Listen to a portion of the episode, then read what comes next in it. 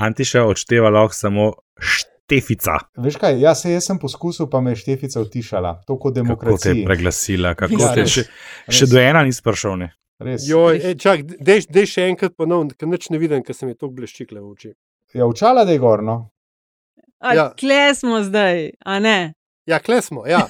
Bo, mislim, bo, bodimo pošteni, povejmo, da, povejmo, kako stvari stojijo. Štefica, Ja. povej, kaj se je zgodilo. Jaz vam rekel, da imamo eno res dobro novico in sicer Habemus sponzorja. LDGD Ja. ima Uh. tako. Sponzor meseca oktobra je optika Dela Spina. To, Bravo, To naši.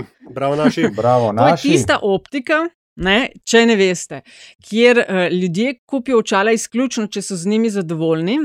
In tri četrt podcasta je že tam, ne, tega podcasta. Uh, in so približno 50 odstotkov cenejši od ostalih optik, to pa zato, ker delajo uh, direktno s tovarnami in imajo tudi lastno. eh, Delavnico, jih pa najdete tako na spletu, delaspina.si in uživo na Kersnikovi. Uh, kakšni so občutki, gospodje? Ja, jaz, do, jaz dobro vidim, no, to moram reči. No. Jaz imam dvoja progresivna njihova očala ne, Ja. in več kot dobro vidim.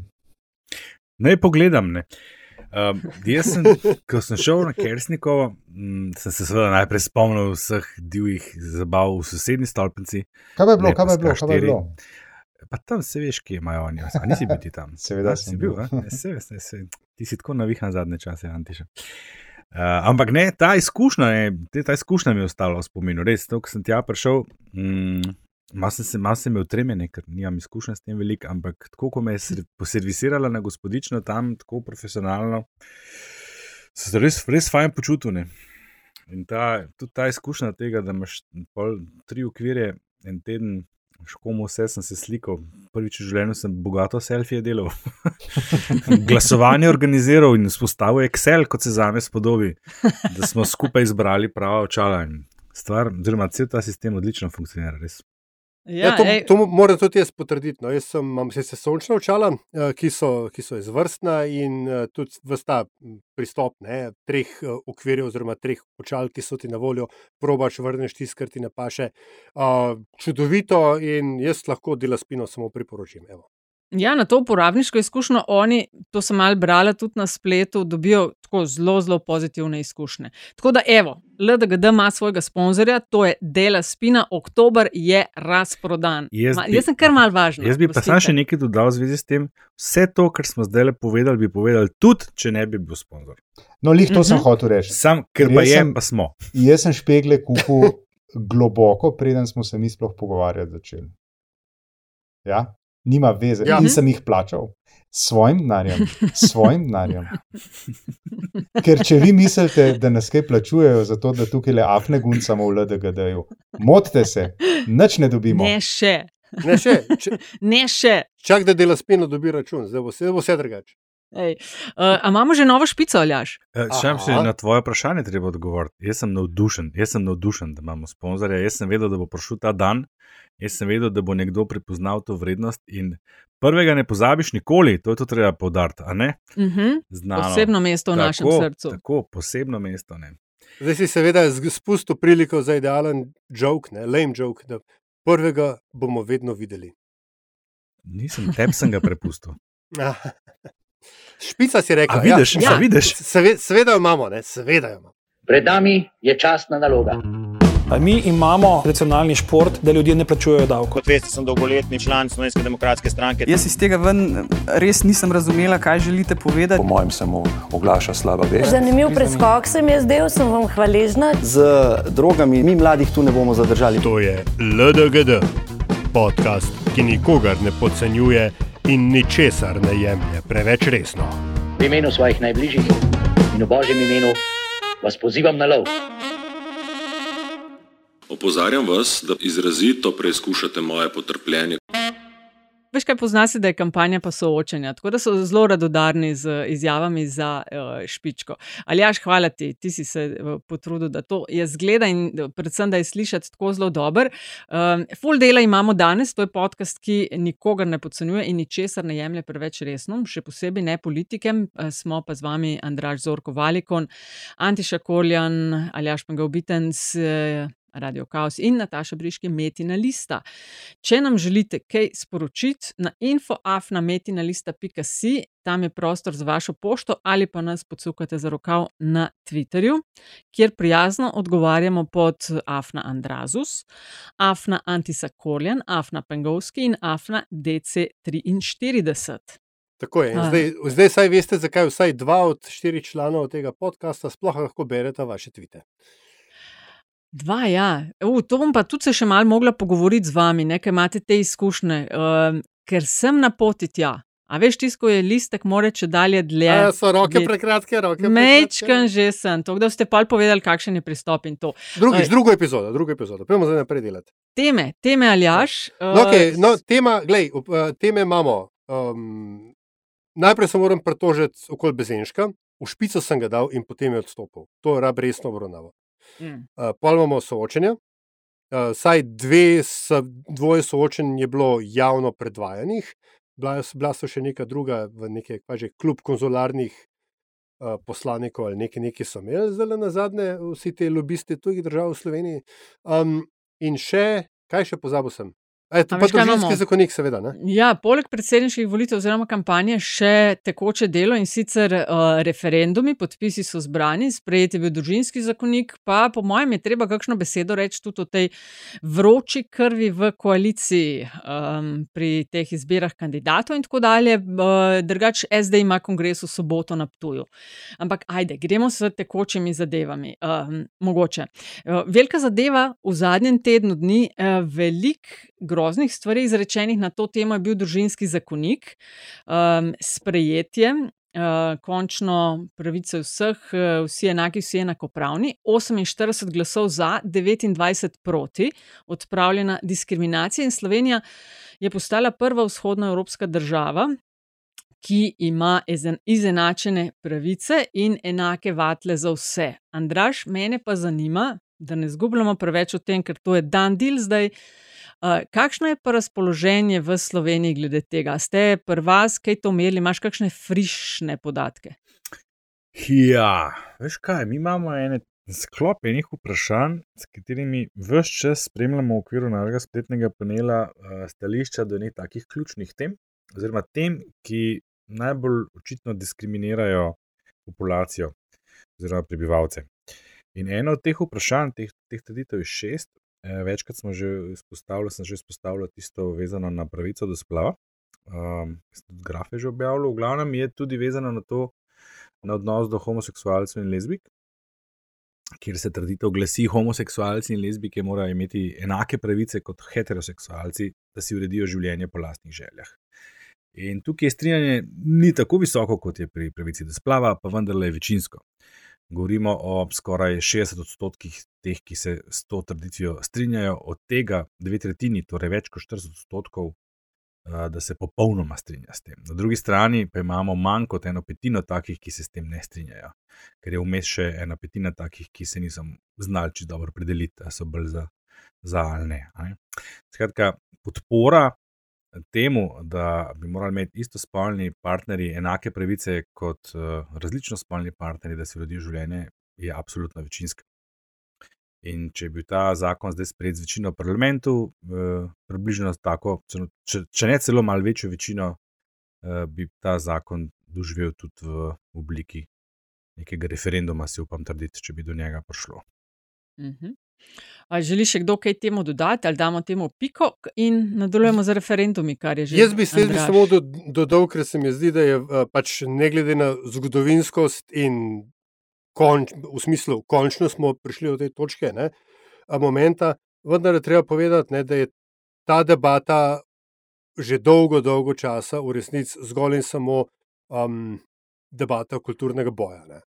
Sploh glede na to, da imamo mi. Um, v narekovajih, ne, kako, da ne bomo koga užalili, isto spolno usmerjene ljudi.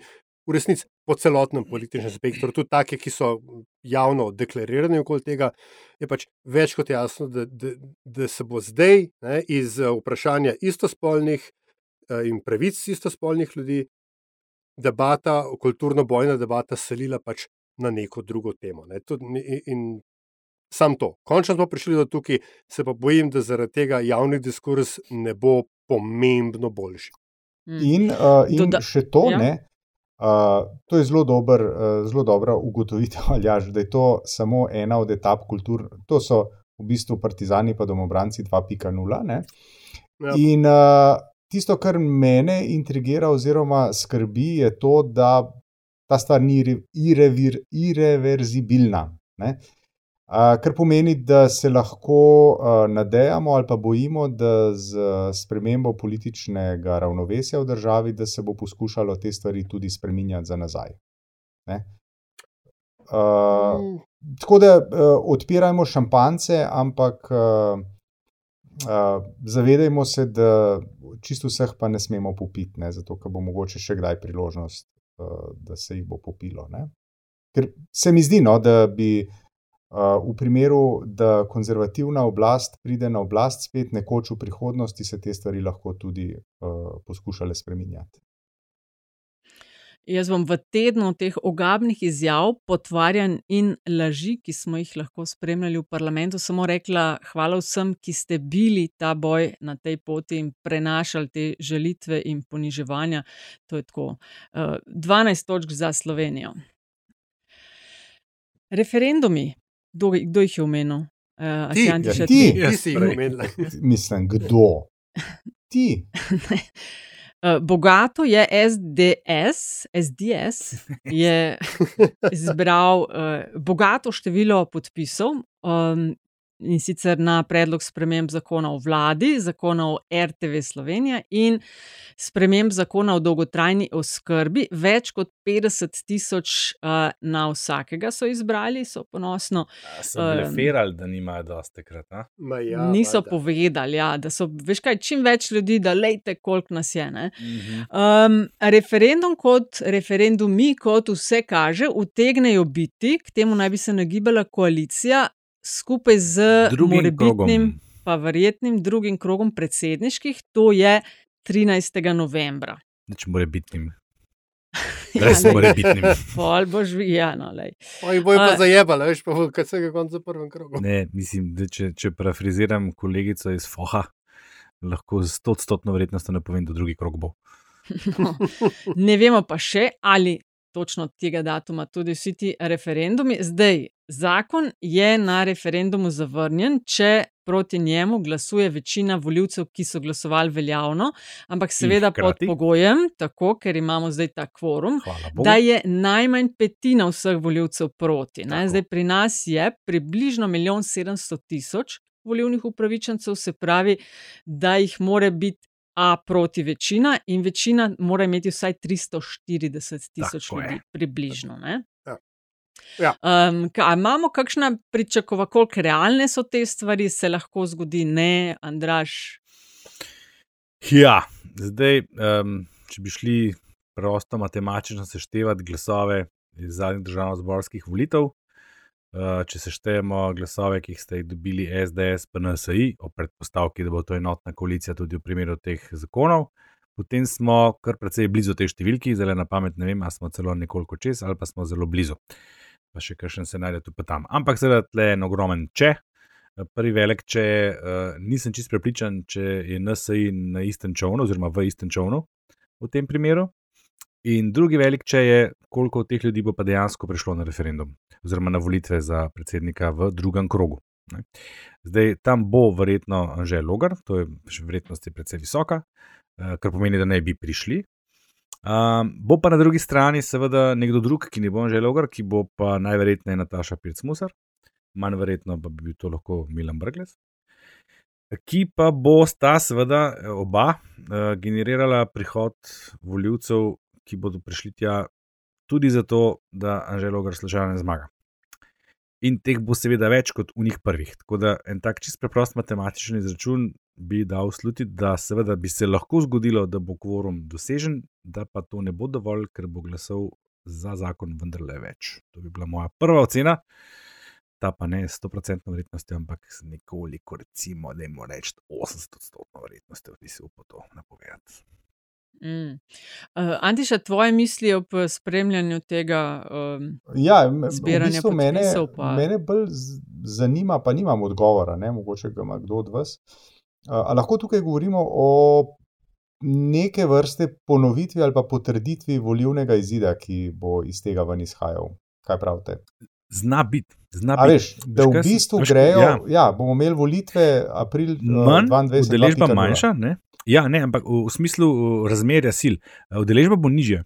Ampak tudi, če recimo zdaj gledamo um, porazdelitev podpore kandidatom za, za predsednika, Ja. Je razmerje med temi silami, ne, kot si jih imenoval, ki, so, ki bi načeloma podpirale vlado, oziroma bi podprle te stranke, ki so bile proti nekdanji vladni koaliciji, in tem, ki so bili takrat vladna koalicija, je še vedno 2-1. Takšno, kot je bilo na volitvah državno-zborskih. Tako da, Mm. če se to razmerje ohrani, no, kljub nižji deležbi, ne, bo rezultat kar dosti jasen. Ne. Mhm. Mene, veš, kaj me tu- tukaj opažam? Ne? Prvič um, neko novo samozavest, ne? ali pa Mečkam več strateškega premisleka. Jaz Mislim, da o tem smo že govorili tudi v prejšnji epizodi. Strateškega premisleka na um, levo-liberalni strani. Svoj čas ne, se je seveda to vrstnih, uh, ker to je tvegana poteza, da daš ti referendum, um, ali pa te tri referendume hkrati na uh, dan volitev. Ne, uh, so se teh potez otepali kot hudič križa, ne, ker joj, kaj, pa če se ne izide. Ne, to, kar so pa rekli, ja, uh, kaj pa če se izide, ne, veš, uh, kar je pomemben obrat v smislu samozavesti politične. Ne, uh, po drugi strani imaš ta, um, Nataša se ga bo spomnila, Karl Rove moment. Ne, Ki je Karl Rove, je ta desničarski republikanski strateg v Ameriki, ki je ravno z uh, kulturno-bojnimi referendumskimi vprašanji dvigoval deležbo republikancev na volitvah. Uh, in tretjič, ne, pridemo potem sklep do tega, da je, čeprav so SDS očitno še vedno mojstri uh, referendumskih manevrov, ne, so tokrat vendarle dobili tudi uh, kar precej dober return ne, in bomo videli, kako.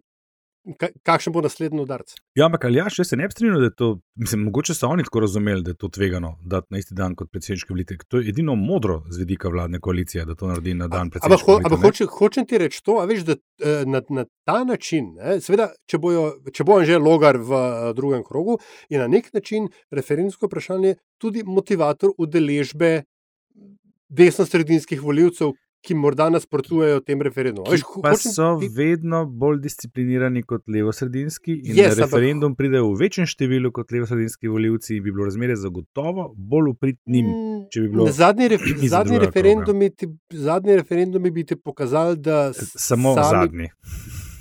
Ja, Samo ampak... v vodah. Ne, ne, ne, ne. ne. Lej, spomnim se referendumov o arhivu in tako dalje. Veš, kaj so tudi popadali. E, ker, ker, ker so bile tako bedna vprašanja, da niso drugo, bila ja, motivirana. No, ampak spomnim se pa recimo enega zelo pomembnega referenduma, ko smo ravno danes omenjali družinskem zakoniku 2015. Tisti družinski zakonik je padel zaradi neodeležbe levo od sredine. Ja, no, sej, to hočem reči, ampak takrat je bila tudi neka opcija, da bi se ga nekam utaknil, se mi zdi. Ne, In če bi ga, bi prišel skozi, ko pa je ne? leva sredina dobila občutek zaradi družbeno zaželenega odgovora, oziroma zaradi družabno zaželenega ja. odgovora, ki je bil na družbenih omrežjih tako močno prisoten, da je to že tako dobljena stvar. Da na koncu niso prišli volt. Če pa bi bili, recimo, predsedniške volitve, istočasno bi pa zagotovo prišli volt in bi mi grdo obložili še za ne. To bo pa tudi tukaj se zgodilo. Ne? In o tem govorim, da to vendar zahteva neke, neke vrste politična muda, ne, ker, da, da ti, ne da ti razdeliš stavo, ne, rečeš, ajde, če ta ne rata, mogoče bo ta, ampak da rečeš double down in vse staviš na en, eno karto, oziroma v tem primeru na en datum. Ne.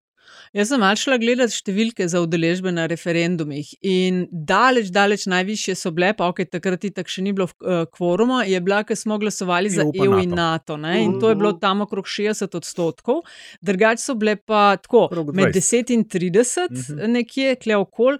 Je pa, če gledam številke za udeležbo na predsedniških, smo bili na zadnjih dveh, ker sta tudi bila 45. manj. Na ja. prve 2012 je bilo 48 pa v drugem krogu 42, Mhm. 2017 je bilo pa 44, pa v drugem 42. Skratka, recimo, da tam nekje okrog 40-45 se mogoče lahko drugi krog Ne, letos več. letos Mogoče več, ja. ja. Ker je, veš, kaj, volivci so aktivirani že od julija 2021.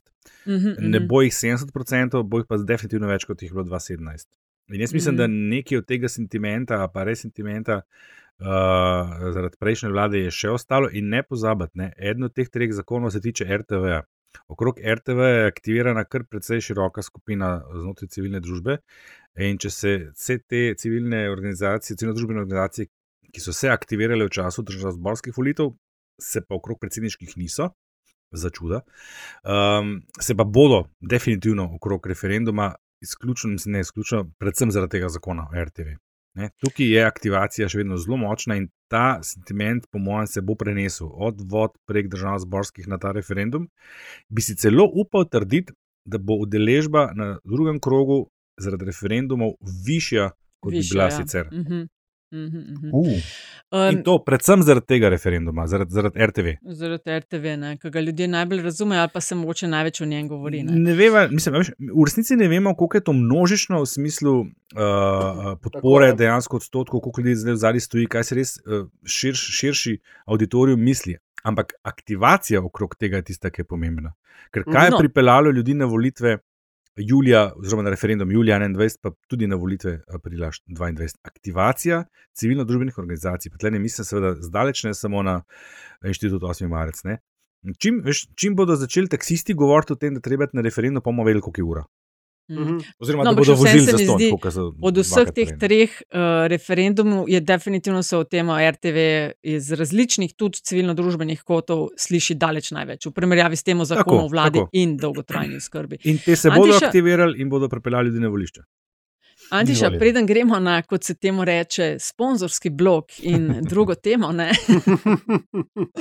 Um, razpokice koalicija. Nekaj malega se jih je nakazovalo, že govorim o Gibanju Svoboda in SD-ju, nekaj malega se je nakazovalo že pri izboru, oziroma podpora ja, ne in kakšna pri Brglezu, in iz katerih vse funkcije je moral odst- odstopiti, da so ga algoritmi Svobode zaznali kot neodvisnega. Zdaj se je očitno malce izkrilo tudi pri izbiranju kandidata za župana Maribora. Očitno je tam bil nekdo, ki je ne vem, obljubil za SD, da bo kandidiral, pa ga je Svoboda pajsnila in sporočilo SD-ja. Prosim, če se začnete do partnerjev vesti obnašati partnersko. partnersko. Tako je. Ja. Tako, Mi ja. smo v ne tako daljni preteklosti že imeli eno epizodo, kjer se je uh, v, takrat vodil, vodilna vladna stranka, ki je imela pa precej manjši uh, naskok pred uh, svojimi partnerji, to je bila lista Marjana Šarca. Uh, podobno uh, agresivno ali pa oblastniško ali pa uh, prevzetno, ne vem, zberite pač pridevnik, kot vam paše. Ne? Uh, obnašala do, do svojih partnerjev. In ta stvar se ni dobro končala, če se spomnite. Te spori, te spori ki so uh, takrat v vladni koaliciji bili, so se vlekli kar še nekaj časa. Zato je bilo tudi kar nekaj, uh, kar nekaj dogovarjanja okrog kula, vsaj v začetku, um, upravljenega z, uh, s figami v žepih. Ne. Tako da jaz, jaz, tukaj, jaz tukaj vidim uh, nevarnost ponovitve tega, uh, teh dogodkov. Ne. In gre to vse skupaj v paket tistega, o čemer smo se tudi v tem krogu že pogovarjali, uh, neposredno po volitvah. Namreč um, tisti, ki ima zelo veliko moč, se more tudi uh, relativno močno posvečati temu, da sam sebe brzda, da sam sebe omejuje in da včasih kakšne stvari, ki jo lahko naredi in izpelje, uh, ne naredi, zato da se mu stvari ne začnejo, uh, ne začnejo lomiti. Ne? Ker um, Aljaš pogosto reče, da je teden v politiki kaj dolga doba ali nekaj podobnega. Ne? Uh, spomin, spomin, ki ga imajo uh, politiki ali pa politične stranke, pa se mi zdi, da je tudi zelo, kako se reče, slonski ne? in se take stvari se nalagajo. Te slabi občutki, ki jih, uh, ki jih generira nepartnersko obnašanje do, v odnosu do partnerjev, uh, se nalagajo ne? in potem na eni točki izbruhnejo. Tako da jaz bi tukaj bil na mestu gibanja svobode mečkam bolj zadržan. Mogoče ne bi naredil A- čisto vsega, kar lahko. Ja, ne sej baš sveda prav, ne, po eni strani. Je pa tudi res, da je na lokalni ravni te stvari postajajo še bolj komplicirane, ne, ker imaš ti. Uh, ker so te lokalni ali pa območni odbori uh, strank pogosto država v državi, oziroma mesto v mestu. Uh, in je odvisno od internih prepucavanj v stranki, kdo je kaj za res močen. Ne. Tako da, veš, mene tukaj zanima, zakaj je Vojko Flis rekel: Ja, pa bom vaš kandidat. Se ni on, da bi kar zdaj se, a veš, on tam visel, pa ga unka pride prvi njega, od, od njega pač čigar kandidat pol postane. Mm -hmm. da, zakaj se je on potem strinjal? Kakšno je stanje socialnih demokratov v Mariboru, da je sploh to postala opcija? Ne? Po drugi strani v Ljubljani gibanje Svoboda ne samo, da seveda ne bo imelo županskega kandidata, ne? jedva sestavlja celo kandidatno listo za mestni svet, ker če nimaš županskega kandidata, potem v resnici ti imaš nobene reklame, ker sooč, so, soočene bodo samo z županskimi kandidati. Ne? Kaj ti bo županski kandidat, če imaš župana? No, mislim, ja, je od, ja in ne. ne? Ja. Ampak, ampak fora je pač v tem, da je, če je gibanje, veš, z vidika gibanja svoboda, če so oni priznali primat Zoranu Jankoviču v Ljubljani in imajo pakt o nenapadanju, um, verjetno je drugo največje mesto teren, kjer poskušaš vzpostaviti dominanco, I guess. Seveda, z, z vsem tem se strinjam, z tem, kar je pa Antiša povedal, to se jim lahko zna oponest, še posebej, če obojim, recimo, potem stvar eksplodira v fris. Uh, in recimo, in gibanje Svoboda in SD v Mariboru popuščijo na račun no, nekoga tretjega. Ne? Kam je šel najprej Robert Golop, ki je postal predsednik vlade v Sloveniji? V Maribor. Tako je. Uh, za katero župansko mesto si je SMC zelo prizadeval in ga uspel dobiti pred štirimi, petimi, štirimi, petimi leti? Ja, Maribor, seveda. Maribor. Sej, Prav, drugo največje mesto, ne? tam ja. pač vzpostavljaš dominanco. To, to, to je tisto, čemu lepo slovensko rečemo, it's a must. Ja. Vprašanje pa seveda je, ne? recimo, uh, kaj je za kaj je rdečo obalo ne? v, obči, v Sloveniji, ki je bila dolgo, dolgo časa um, dom, dominion, dominion SD-ja. In že nekaj časa ni več. Ja, že zelo dolgo časa ni več. Že, Kdo pa uh, hara tam? Kdo hara tam? Levica. Antiša? Neki malga levica, mm. kar, se, kar se vidi na rezultatih uh, državno-zborskih volitev. Ne. Uh, sicer pa te neke, neke neodvisne listice, pa, mislim, če, vam re, če vam rečem, Dženjo Zatkovič, sem vam povedal vse. No. Ja, ja, Facebook stranke. Oziroma liste ja. v tem primeru. No, meni je ob tem, Antiša, to, kar si ti omenil, ja, mogoče bi bilo fino, da svoboda ne bi čisto vsega, kar sicer lahko. Meni ob teh partnerskih bojih, tako se spomnim, ko smo se pogovarjali v juniju, oziroma prej po volitvah, že eno. Velikanska zmaga je bila 41 poslancev in poslank, in takrat smo se strinjali, da zna biti to kar skušnjava. Eh, se mi zdi, da je z ljudmi, ki se pogovarjam, jih veliko kar pogreša, eh, škoda, da ni stranke od Bratušek, pa od Šarčeve poslanske, da bi vse en mal manjšo moč imeli in se lahko manj avtokratsko na nek način obnašali. No. Ja, pri čemer ja, je, je pa treba upoštevati, ne, da to je, to je stranka, ki more na naslednjih dvojih volitvah, ne, ki nas še čakajo, upravičiti svoj položaj v parlamentarnem loku. Ne. In zdaj, To je stranka uh, v veliki meri političnih uh, amaterjev, ki je nepreverjena, da tako rečem, ne? nima lokalnega, lokalne, uh, nima terena. In zdaj oni, oni morajo nekaj narediti, zato da ne bo prevelik razkorak med tem, kar so dosegli na državno-zborskih volitvah in kar bi lahko, oziroma bodo dosegli na predsedniških in uh, lokalnih. Ne? Tako da njihova pozicija v resnici ni zavidljiva, jaz jim nisem fauš tega. Ne? Zdaj, kako se pa oni s tem spoprijemajo, pa drugo vprašanje. Ne? Jaz se mi zdi, da ne prav zelo elegantno. No? Jaz bi še nekaj omenil. Ne? Um, gibanje Svoboda se je našlepalo na SD pri njihovem predsedniškem kandidatu. Uh, mogoče bi bilo pa fair, da bi, pač, da bi bil tudi Mariborski kandidat skupni. Recimo, ne vem, ali, pa, ali pa je ravno to točka, ker hoče pa zdaj pokazati, da, da ne, da oni so pa vendarle sami svoji in velika stranka in ne vem kaj. No. Um, tako, dajmo najprej videti, kakšen bo dejanski rezultat. Ker, ker jaz imam še vedno občutek, veš, da da se jim lahko vse skupaj dejansko sviže do točke, ko bodo vsi nezadovoljni, potem bo pa šele ogen v strehi. Ne? Ja. Ja, dajmo, dajmo videti. Ne, mislim, jaz, bom, jaz, bom tako, jaz imam precejšno prednost. Ne, ker jaz, jaz vidim, Kdor- zdaj s temi očali, ja. vidim in na delač in na blizu enako ja. dobro. To sem glih hotela reči, kot da bi se zmenili. Ja. Uh, dej, uh, Ampak ali jaš, prosim, glasbo. taka, ne? Ne, progresivna. Aljaž, mi smo- glasbo mi za smo- sponzorje. a Veste, mi smo zagovorniki progresivnih idej ne? in jaz imam progresivna očala. In ne ena, dvoja. Ja. In z obema Jaz sem jaz imam eno ne. vprašanje. Dajte Nataša. malo. Ne, a, ne, čakaj, ker smo že pri političnem diskurzu, moja so pa polarizirana. Ja. No, čakaj, Kakšna so pa moja? No, kakšna so pa moja? Eno vem. žariščna, no, No, te se pozna, in- da si ne, statistik. Jaz sem vedno v fokusu. Jaz sem vedno, No, ne, lej, ne, jaz lej. sem vedno fokusiran. Pardon. Ej, mi lahko date, da vas vprašam, vi, kot očalarji? No? A Lahko, sekundica. Se pravi, mi govorimo zdaj o našem sponzorju, ki je Dela Spina, in vi govorite o teh očalih, ki jih uporabljate. Zdaj, v Dela Spini delajo dioptrijska očala. ne? Uh, in od ostalih se razlikujejo po tem, da pač očala kupaš, če si z njimi zadovoljen. In edini na svetu so, ki dajo na enotedenski preizkus, že z ugrajenimi dioptrijskimi lečami, in jih pol nosiš pač en teden. Andraš, ne? ti imaš eno žariščna očala, Ja. to so samo za daljavo, a imaš za nadaljavo ali na bližino? To Kaj? je za, za, za nabliz, seveda, ker sem pač uh, starejši občan že po nekaterih kriterijih, ne morem se več umestiti v noben starostni razred pri naših raziskavah, ki bi se vsaj približno še mladega lahko počutil. Tako da, ja, to pride s to, s to starostjo, pride to. Ja. In pa si to pač en teden preizkušal in si se za eno odločil, Ja, kaj ka si ja. ja. anketo naredil med ljudmi, To sem to prej poslal. rekel, ne, to so bili vsi prijatelji, so bili vključeni v vseh četih, ki jih imam, slikal sem se toliko selfijev, ki sem tisti teden naredil, jih še dolg nisem, eh, predvsem sem to očalarjem pošiljal.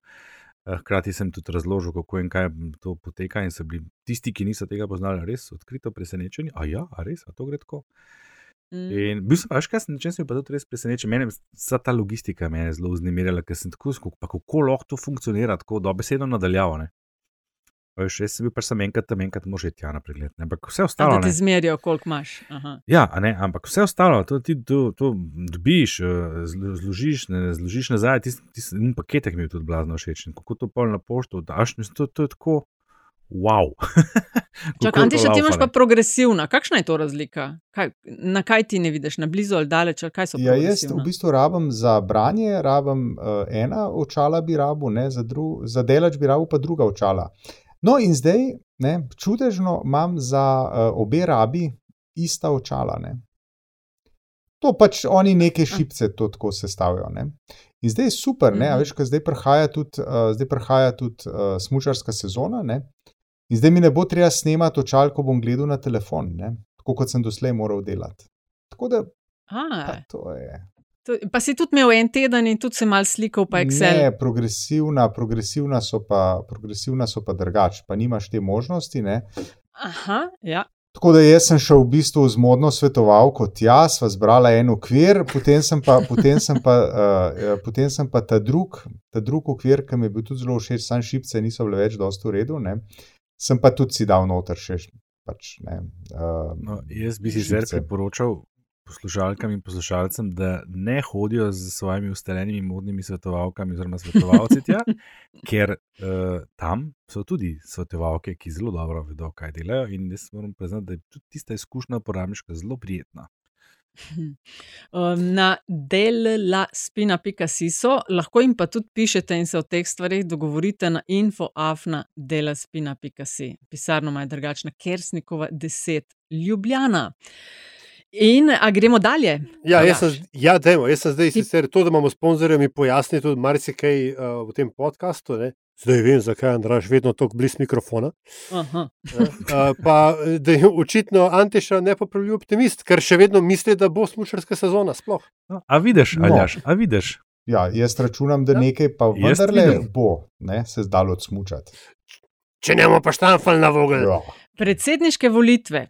Um, ta teden je bil v začetku tedna še čas, da je kdo odstopil, če zaradi katerega koli razloga ni želel nadaljevati, in vse nas je presenetil kandidat Bezanšek, ki je odstopil od kandidature.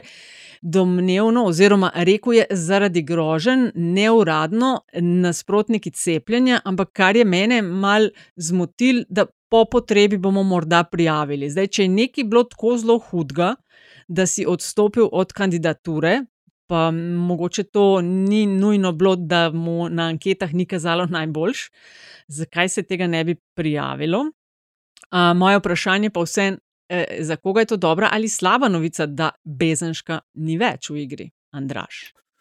Pa prav za res dobra ni za nikogar, je pa slaba za vse, se mi zdi, za vse skupaj, da se kaj takega zgodi. Zdaj, ne, lahko bi kdo rekel, da je bil ta nastop njegov mal uh, uh, teatraličen, ampak uh, ne vem, če ste ga videli.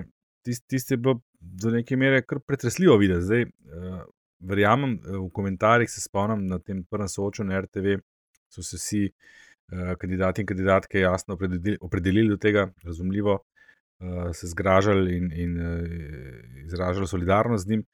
Um, hkrati pa tudi noben od njih ni pozabil omeniti, da kolikim grožnjam je bil pa že on deležen v življenju. Na koncu je spadalo tako, da je manjše tekmovanje, kdo ima daljši seznam. Kdo je večji revaš? Ja. In kdo se, kdo se manj boji črnega moža. Uh, po tej plati bi lahko rekel, da je mogoče Bezenšek na nek način žrtev uh, rekel, temu, uh, tega prvega resnega vstopa v ta svet politike, da morda tega ni bil vajen, da so ostali tega bolj vajeni in, in zamahnejo z roko, da se je pa on pač res iskreno prestrašil. Uh, če pa tisti nastop njegov je bil res precej pretresljiv, absolutno bi morali to iti naprej do prijav. Uh, Teh dejanj bi moralo biti raziskano, je pa to, po mojem, zelo slaba novica za celo kampanjo. Mislim, da se pa prvi dan kampanje, uh, začne s tem, pa tudi ni nič dobrega. Ne. Sam še enkrat, ne, mene to, kar me je tle presenetilo, je bil ta odziv ostalih kandidatov, ki je bil seveda spet pričakovan, ne, tako skoraj mal by the book. Ne, se zgražamo in, nismo, uh, smo, in si lovimo hkrati tiste 2,7 odstotka, kot smo jim namerali, kot smo mu namerali. Uh, po drugi strani pa nisem pri njih, pri nobenem od njih čutil nekega resnega vznemirjenja v smislu, ko, ko so tekmovali o tem, ne, kdo ima več grožen. Ne tako malo je bilo, malo, malo je bilo relativizirano, se mi zdi, skozi to, a veš. Uh, uh, Ne, ne prizadetost na nek način, zelo zaigranje je bilo vse skupaj. No? Če bom kar direktno pomenoval stvar, kot jo treba pač pomenovati včasih. Ja, več kot očitno je bilo, da oni, mislim, meni se zdelo, da sta voditelja, ne, Igor Rebergan pa Manica J. Ambrožič, uh, presenetila kandidate s tem vprašanjem, da niso bili kaučeni z lepo slovensko besedo, ne, kar se odgovorov tiče, ker je bilo vse res tako, kot je rekel, tako malo, kaj mora zdaj reči, kaj mora zdaj reči, ne, da nam zajebo. Ampak moje vprašanje tukaj tebi ali pa izziv, Andraš, a je možno, sam si večkrat omenjal beznaškov potencial. Ne, zdaj, ki ni več kandidat, zdaj ne uporablja več Soul Grega, ne, artista. Uh, skratka, si omenil njegov potencial kot Facebook kandidata. A je možno, da je politična realnost na Facebooku dosti bolj osebna, kot je politična realnost v kloaki, ki jo vidimo in čutimo sicer. Osebna, misliš, kako osebna? Da, pač ti pri, da pride do življenja. Jo, jo, absolutno, ne, se, to, je, še, to je narava družbenih omrežij. Mislim, se gleda, kaj se med najstniki dogaja. Zaradi zarad za to, da se to Seveda, ne, ja. mislim, so, če gre za ljudi, ki, katerih izključen medij komuniciranja s svetom in s prijatelji je Facebook, ne, uh, tam so stvari zelo osebne, doskrat ne. Se, se, vemo, ne. Ti ne moreš prek televizije nekomu reči to, kar lahko nekomu prek Facebooka napišeš. Ne. Uh, potem so verjetno take tudi reakcije. Zdaj pa drugo vprašanje, ki pa mogoče še za koga drugega, kakšnega drugega strokovnjaka je pa, kakšne so pa skupne lastnosti ljudi, ki, ki jih druži ta lastnost, ki se zbirajo tam. To me, mene to kar resno zanima, začelo v času epidemije. Uh, s pojavom tega proticepilstva, pa zdaj ne tizga, uh, radikalnega zarotniškega, ampak teh pač ne vseh, ki so se tam začeli okrog tega zbirati, da pa cepljenje ne. Kaj delijo, uh, delijo za vsak slučaj? Kaj delijo kaj? Veš, kaj rečejo, ne vem, če je res, ampak delim za vsak slučaj. Še mislim, še raje, ja, da je slovenski govor, da je slovenski govor.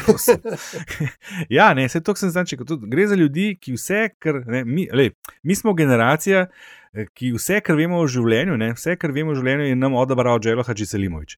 Tem ljudem je pa vse, kar vejo o življenju, preseral Facebook in to, to delijo naprej, brez kančka premisleka in kritike. In, mislim, tle, to je res zrelo za eno orang, sociološko, psihološko raziskavo, kaj združuje te ljudi, kaj so te uh, skupne dimenzije, komponente. Veš, govorimo o ljudeh, ki so res samo tam, ne, ki od tam črpajo vso znanje in ga tudi delijo naprej. Ne. In kakšni so odnosi, in potem posledično dojemanja in, in, in, in doživljanja, in tako naprej. Ne. Ja, ne, en, grede, en, ne. en, en doktorat voham, klede. Ja, Da, se verjetno jih je že par bilo ne. napisanih. Ja. Več njih pa verjetno tudi Da še ne že napisanih. pozabimo, nagradna igra. Uh, pravilno napovej zmagovalca oziroma zmagovalko predsedniških volitev, ne prvi krok, ampak končnega zmagovalca in to na dve decimalki natančno, in dobiš nagrado LDGD. Imamo pa, zdaj smo se malo modernizirali, obrazec, uraden obrazec, ki bo dosegljiv link uh, na družbenih omrežjih in v objavi tega podcasta. Tako da, če želite biti v igri, uh, se pravi ime, odstotek, pa kam naj vas kontaktiramo v primeru zmage. Pa da navte zdaj pod petimi nik ne bi napisali petih različnih rezultatov. Zakone. Ja. Um, a so kakšne min grede, kakšne nove, sem zgrešila, kakšne nove ankete ali je še vedno tisto, kar imamo od prejšnjič, se pravi vrstni red, nekje um, logar, pa uh, Pirc Musar, dost skupaj, pa mal Ja, zanima. Tole, ki je, ki to je to je zaenkrat. RTV objavljal nedeljo. Ne? Okej. Zdaj, ta firma sicer ni sponzor, pa je ne bom na glas omenil. Ja, čudna firma za delala, ja, ne. najbolj ugledno in najbolj zanesljivo uh, javno mnenjsko raziskovalno agencijo v Sloveniji, sicer, v kateri sem sicer tudi zaposlen, uh, sem pa posebno nepristranski v tej oceni. Um, Skratka, to je to, kar imamo Ja, mislim, uh, zaenkrat. Ni jaz ti lahko frišnejšega. Sam povem, da mislim, ne vem, ne, niti ne gledam drugih. Šalim se. Uh, škaj, šele zdaj so, mislim, lej, pazi, šele naša je bila res prva, ki je imela popoln seznam kandidatov. Ker smo jo izvedeli četrtek, petek, ko, ko je uletela še Sabina Senčer, pa nekateri niso imeli kordiša. Pa tako, uh, tako da prav svežih jaz še nisem opazil do zdaj. Okay, no, naši, zaradi ne. tega, ker jaz čakam, da se tudi ta soočenja počasi ujamejo, ker zdaj zares začenjajo ljudje malo bolj to spremljati, pa mm Mhm. -hmm. tudi iz različnih kanalov. Antiša, si si uh, kot ljubitelj soočena, si si prvoščil kakšno epizodo? Ne. Prosim. Ne, ne, Kako? ne. Jaz, Ponedeljek, nisi gledal ponedeljka. ne, nisem, ker sem imel druge Radijsko stvari. Ne, soočenje. druge stvari sem imel in se upravičujem. A res ne? Res. Ojoj, Res. kaj je pomembnejšega od soočen te dni? Kako, kako moraš? Kako? Da, Jaz mislim, da boš Andraž bi rekel- Andraž bi rekel, da te ni sram. kritike. Da te ni sram. Ja, ja, točno No, tako. Ne bi, ker bom rekel, da te ni sram. Sam Da res. te ni. Jaz, en tak kratek recap m, eh, tega, kar sem jaz videla po prvih soočenjih. Meni boste povedali še vi svoje. Meni kandidat Logar. Sem ne v No, se vem, sej, sej. Mhm, mhm. Uh, Meni kandidat Logar zaenkrat deluje tako zdolgočasen, v smislu, klele sem, ker moram biti, pa itak vemo, da bom v drugem krogu. Uh, Pri Brglezu se mi zdi, da ni imel najboljšega tedna in da če misli tako nadaljevati, bo zanj boljš manj nastopov, več. Um, tako, mečkam počasen, um, ne vem, ali mogoče tudi mečkam prehlajen, to tudi ne daje najbolj take aktiven, agilen za akcijo in tako dalje. Pri Kordišu meni se vedno zdijo ti njegovi nastopi strašno agresivni. Ne razumem te taktike, ali kako je iskrena ali ne. Kdo je za vas di voditelj, a je jugoslovanski ali kaj so spraševali Ne, že? Slovenski. Ne, slovenski, ampak Imel on, si ja, tega, jaz, dej, dej. ja, Ja. tega, tega ne razumem najboljš, ne? Ker si pa predstavljam, da če bi ženska. Ja, če bi si pa predstavljal, če bi ženska na tak način nastopala, mislim, jaz tako skozi čakam, da se bo z nekom stepel. Akordiš. Um, Ja, pa malo se mi zdi, da, da je še vedno umeren. tako mal kot študent, da je še vedno na delovsko-pankerski univerzi. No. Um, sicer zdaj pri uh, Nataši Pirc se mi zdi, da seveda je njej manjkalo to vrstnih soočanj, ne, vseeno ni v politiki, je dejansko edina neodvisna kandidatka. Uh, ampak zaenkrat se mi zdi, da je med boljšimi, ko nastopajo. Na koga sem pa največ pozitivnih odzivov dobila po vseh teh soočenjih? Iz zelo različnih krogov naprej. A lahko gibam, kočevski župan. Ja, Kjer ampak nisem se. Ne, ne, ne, ne, ne, ne. Zelo vem, različni Nataša, odzivi. Ni na ključi, A ni na ključi. Vem, ni? Ni na ključi. Ne. Mene vprašaj, pa slavko tam, midva to veva. No, kako, kako- kako ste pa vi videli prve, prve eh, soočenja? Zdaj se mi zdi, da bo mal drugače, ko bo šlo ena na ena. Ampak to so tako, kralj mi je pozabil, se mi zdi, da je tam tako za številko, gospa Senčar, wow, to bo bolel še ta tri, te tri tedne, ki jo moramo spremljati, drugo pa ni več. Ne? Jaz sem šel prav študiozno pogledati z zamikom en dan ali dva kasneje, ker sem resno vzel kritike na Twitterju. Jaz sem se pošalil v ponedeljek, da, da glede na to, koliko odzivov na Twitterju je in da vsi gledajo soočenega, meni očitno ni treba, ker sem tam kar velik zvedel, ampak vseeno sem si vzel čas. Uh, jaz bi najprej eno drugo kritiko izrazil in sicer, da sem bil presenečen nad kritiko uh, uh, to, te tvitosfere, uh, koliko je vse grozen, pa dolgocajten, pa ne vem kaj. Meni men se sploh ni zdel grozen, pa dolgocajten. Meni se je zdel to pa tako, jaz sem rekel, lej, to je pa v bistvu soočenje. To je pa politika, kot je nekoč bila. Ben, ben ga ni žalil, ben se ni noben ga drl, ben ni zapustil prostora, ben ni bil vulgaren. Ne, mislim, ali ni bilo to tako včasih? Ali se nismo tega pravzaprav želeli, da bi bilo spet tako? Seveda, potem posledično tudi dolgočasno, ne? ampak jaz ne vidim nič slabega v tem. Ne? In to se mi zdi v redu, da je to tako. Uh, druga stvar je, jaz sem ocenjeval malo uh, razlike med njimi, potem, kdo se mi zdi bolj srcem pri stvari. In sem tle označil tri, za katere bi rekel, da ti so pa res srcem pri stvari, pa zdaj nočem reči, da ostali štiri niso, ampak ostali štiri so predvsem bolj uh, naučeni. Uh, Pri, pri, pri, ne, pridobljeni, s pridobljenimi znanji v tem, ne prirojenimi, in so predvsem bolj um, uh, zvezirani v nastopu, no, tako bom rekel. Mogoče se mi zato ostali trije ne zdijo taki, oziroma se mi zdijo, da so res srcem pri stvari. In to so uh, seveda Miha Kordiš, um, Nataša Pirsmusar in pa Sabina Senčar, s katero se nujno ne strinjam v njenih pogledih, niti s tem, da je brstično ohrot najboljši na svetu. Ampak, uh, mislim, a veš, so te, te trije, so tako najbolj, najbolj iskreno Na delujejo. Turščiki No? ti delajo- delujejo, ne? Mislim, ja, na Turščik lahko me skordiš, ni glih na Turščik. Ne? On je tudi poslanec, on ima že zelo izdelan nastop. Ampak vsem, a veš, pri njemu sem jaz vsem dobil občutek, da tisto, ko on pove, da res tako misli, pa da res za tem stoji. Mhm. Jaz se, jaz se Ja, s ja. pol tistih stvari ne strinjam, s pol pa se, z lahkoto, ampak uh, jaz njemu res verjamem. Medtem ko pri ostalih, pa se sploh recimo te, ki so bili bivši ministri, ne, eh, Cigler Kralj, kralj naprimer. Ne. Veš, to- tam, tam, tam, pri vsaki drugi izjavi malo podvomiš, koliko ti to res misliš, koliko smo, smo, koliko smo se Mm. pa tam le v štabu odločili, kaj bomo o tem si mislili. a veš. Ne? Medtem Ampak ko dobre pa- pripoveduje. Ja, Jezus. no, sem kar pa tudi talentiran, hotel ja. omeniti, ja, ta znameniti eh, smisel za humor v katoliškem miljeju, a ne. Koga, koga pa vi ubogate, ja, poleg ne vem kaj še, pa seveda svojo ženo, pa tako naprej, pa s tistim prikupnim nasmeškom, zdaj sem pa strl tako šalo, zdaj se pa tam le Žok, Ja, ja. žok. Ja. In z dodatkom Ja, ja, na ne. koncu šalo Nac, na stran, ne. pri čemer se vprašamo, kje je bila šala, Ja, in kje je ta stran? da bi jo dali na stran. Ja, pejmo, pejmo loviti to šalo, ker ta stran je očitno zelo daleč. ne.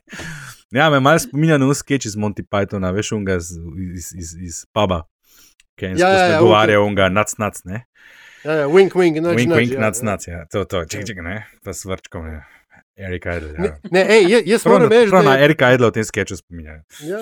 Sketchu, A, moj, sketchu. moj, sketchu. moj sošolc Klele je zaenkrat eh, eno večjih razočaran tega, eh, teh soočenj, teh dveh soočenj, ki so bile do zdaj. Uh, tako, dost pod pričakovanji. Jaz sem mislil, da bo, da bo bolj scout in manj NSO-jevci iz oštarije. ne. Uh, in, in se mi zdi, da če misli kle kaj narediti, če mislijo v štabu kaj narediti, bo zdaj le skrajni čas za kakšen mal popravek smeri kampanje. Uh, je pa res, da je očitno, zdaj to sem zvedel v studiu ob 17. bere Jordana B. Petersona in tukaj se mi zdi, da je velik del njegovih problemov te kampanje. Ne? Ampak ok, šalo na stran. Um, To je eno zbirališče čudnih šal. A, kar, se, kar se prebiliča tiče, Nataša ima tako diametralno nasprotna stališča. Na TV-ju je še nekako šlo. Ne, ne, ne, čakaj, stop. Nismo o stališčih, jaz sem govorila o odzivih, ki sem jih na njega, na soočenje dobila okej. od drugih ljudi. V redu, fair, fair enough. V tem fair trenutku treba še enkrat podariti, da je Štefica doma izkučila. Ja, ja, Ja, vse razumem. Ona pač, ja. ne, pač ma, jo bojo izgnali, če ne bo No, le presenečenje bo, to ti Ja. že zdaj povem. ne. Oh, Ja, nadaljuj. Aj, to stava, aj, a voham stavo, a voham stavo. Seveda, Vse sem že prejšnjič povedala. No? No, Saj si anyway, tudi ti rekel. Meni se, men se zdi, da je prebilič mrčnjo pregloboko vodo skočil. Mislim, da se tukaj vendarle kaže, ne, da mogoče do nivoja premijeja še nekako potencialno bi šlo. Za nivo predsednika republike je pa fino imeti vmes kakšno nacionalno Na politično izkušnjo. primer, če bi bil ministr za obrambo na področju, ki ga Recimo. zelo dobro pozna, ker bil z Recimo, ne. naskokom boljši kot Tonin in Šarec skupaj, pa bi čez pet let to poskusil, pa še kakšen če, pa bi morda šlo. Pa če bi recimo dva ja. meseca prej stopil v kampanjo. Antiša, resno. vidiš, kaj pa nisi gledal, pa ne moreš sodelovati. Ja. Ja, sej, mislim, da se. A ti je kaj Nisem hudo? ga gledal v kosu, sem pa tako po diagonali sem šel pogledat. No, tako da, ja, A, ja, vidiš ga. Se lej. vem, sam Ja, ja, ne, Sabino lej. Senčar si gledal. Ja, ja. Jaz, Ja, ja. no, dej povej, Antiša, kaj ceniš, recimo, ko se odločaš, me ne zanima izbira, koga boš, ampak ko se odločaš, za koga boš, za predsednika ali predsednico, kaj so tiste stvari, kriteriji, po katerih presojaš? Kaj je delo, kaj je delo osebno, do zdaj, recimo, kako ja. prepričljiv je bil v kampanji in kaj je v kampanji zagovarjal. Ne?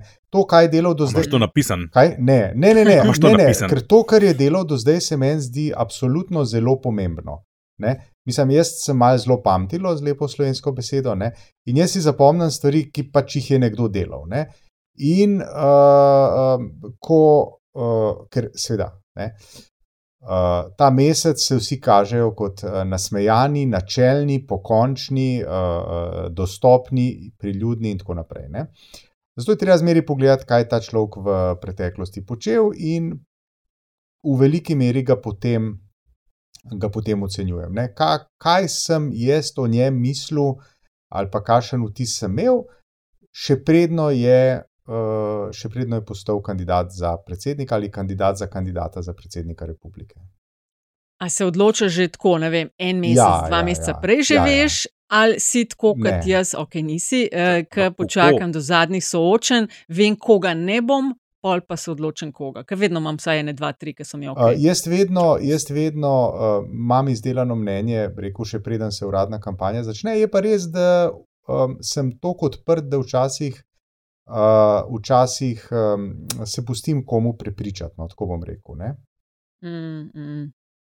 Ja, meni, jaz kot volivka, vse to, kar si ti naštel, jaz osebno cenim, če kandidati oziroma kandidatke ta spopad, to eh, pozicijo, za katero se potegujejo, jemljajo resno. Eh, meni tako mečka na živce mi gre, če se en mesec pred dnevom D. eh, Odločijo, da zdaj se pa jaz to grem. Mislim, še za predsednika, letos imamo še ene volitve, veš, decembra, za predsednika OKS. Kandidati so že pol leta razglašeni, tako rekoč. Pa je volilna skupščina 16. decembra. Kandidati za predsednika OKS, kamoli za predsednika države. Veš, pa tole pa ni bilo fair, ne? ker smo do točke, ko je bila Marta Kos uh, kandidatka, se je itek zdel, da je ta, da, da je ta zgodba zaključena. ne. Uh, in potem, ko je pa ona dva tedna potisnila, ko je pa ona šla ven iz igre, se je pa v bistvu šele napolnilo polje. No? Tako da, uh, to, Lej, da Marta se, Kos je bila kandidatka Gibanja Svobode. Ja, ampak gledaj, Ne? hočem ti reči to, da ampak glej, ona gibanje svoboda. Okej, oziroma whatever. Je, ja, ne, ne whatever. Ne, Ja, je, v mojem bo knjigu ja. mislim, mogo, mogoče tudi tvoj premislek, veš, bi z, zahteval mečkan dozo, um, temu reče. Uh, Ja, ja Moč- ker se je v redu, neč me ne boš užalil, ampak še vseeno. Uh, nekdo je s kalkuliranjem, pa en mesec prej šel, nekdo je pa jasno se dal že par mesecev prej. Ne rečem, da je to ključen in edini kriterij, ampak to mi je tudi pomembno. ok, prav. V redu. A, kaj pa ti, Kaj Andraš? ne zdaj rečem? Uh, kva? Kje sem že bil? Kako Kaj so tvoji kriteriji? Kaj so tvoji kriteriji, po kateri greš? No, veš, da zadnje čase res malo več razmišljam o tem, včasih je bilo bolj enostavno to. Um, hm, hm, kaj sem pa ugotovil? Kaj sem pa ugotovil? Mislim, recimo, jaz sem to soočenje gledal prav na način, da kako bi jaz odgovoril na tako vprašanje. Ne? In kdo se tukaj najbolj približa mojemu vprašanju. Pa sem se ugotovil, da s tem ne, ne pridem nikamor. To je tako, kot s kakšnim takim poskusom, kot je volitve mat. Uh, potem gledam pa pač na neke, neke osebnostne lastnosti, koga bi se želel videti v trenutku, ko bo ne vem, neka totalna drama v državi, da bo stopil pred mikrofone in ljudi znal pomiriti, vključno z mano.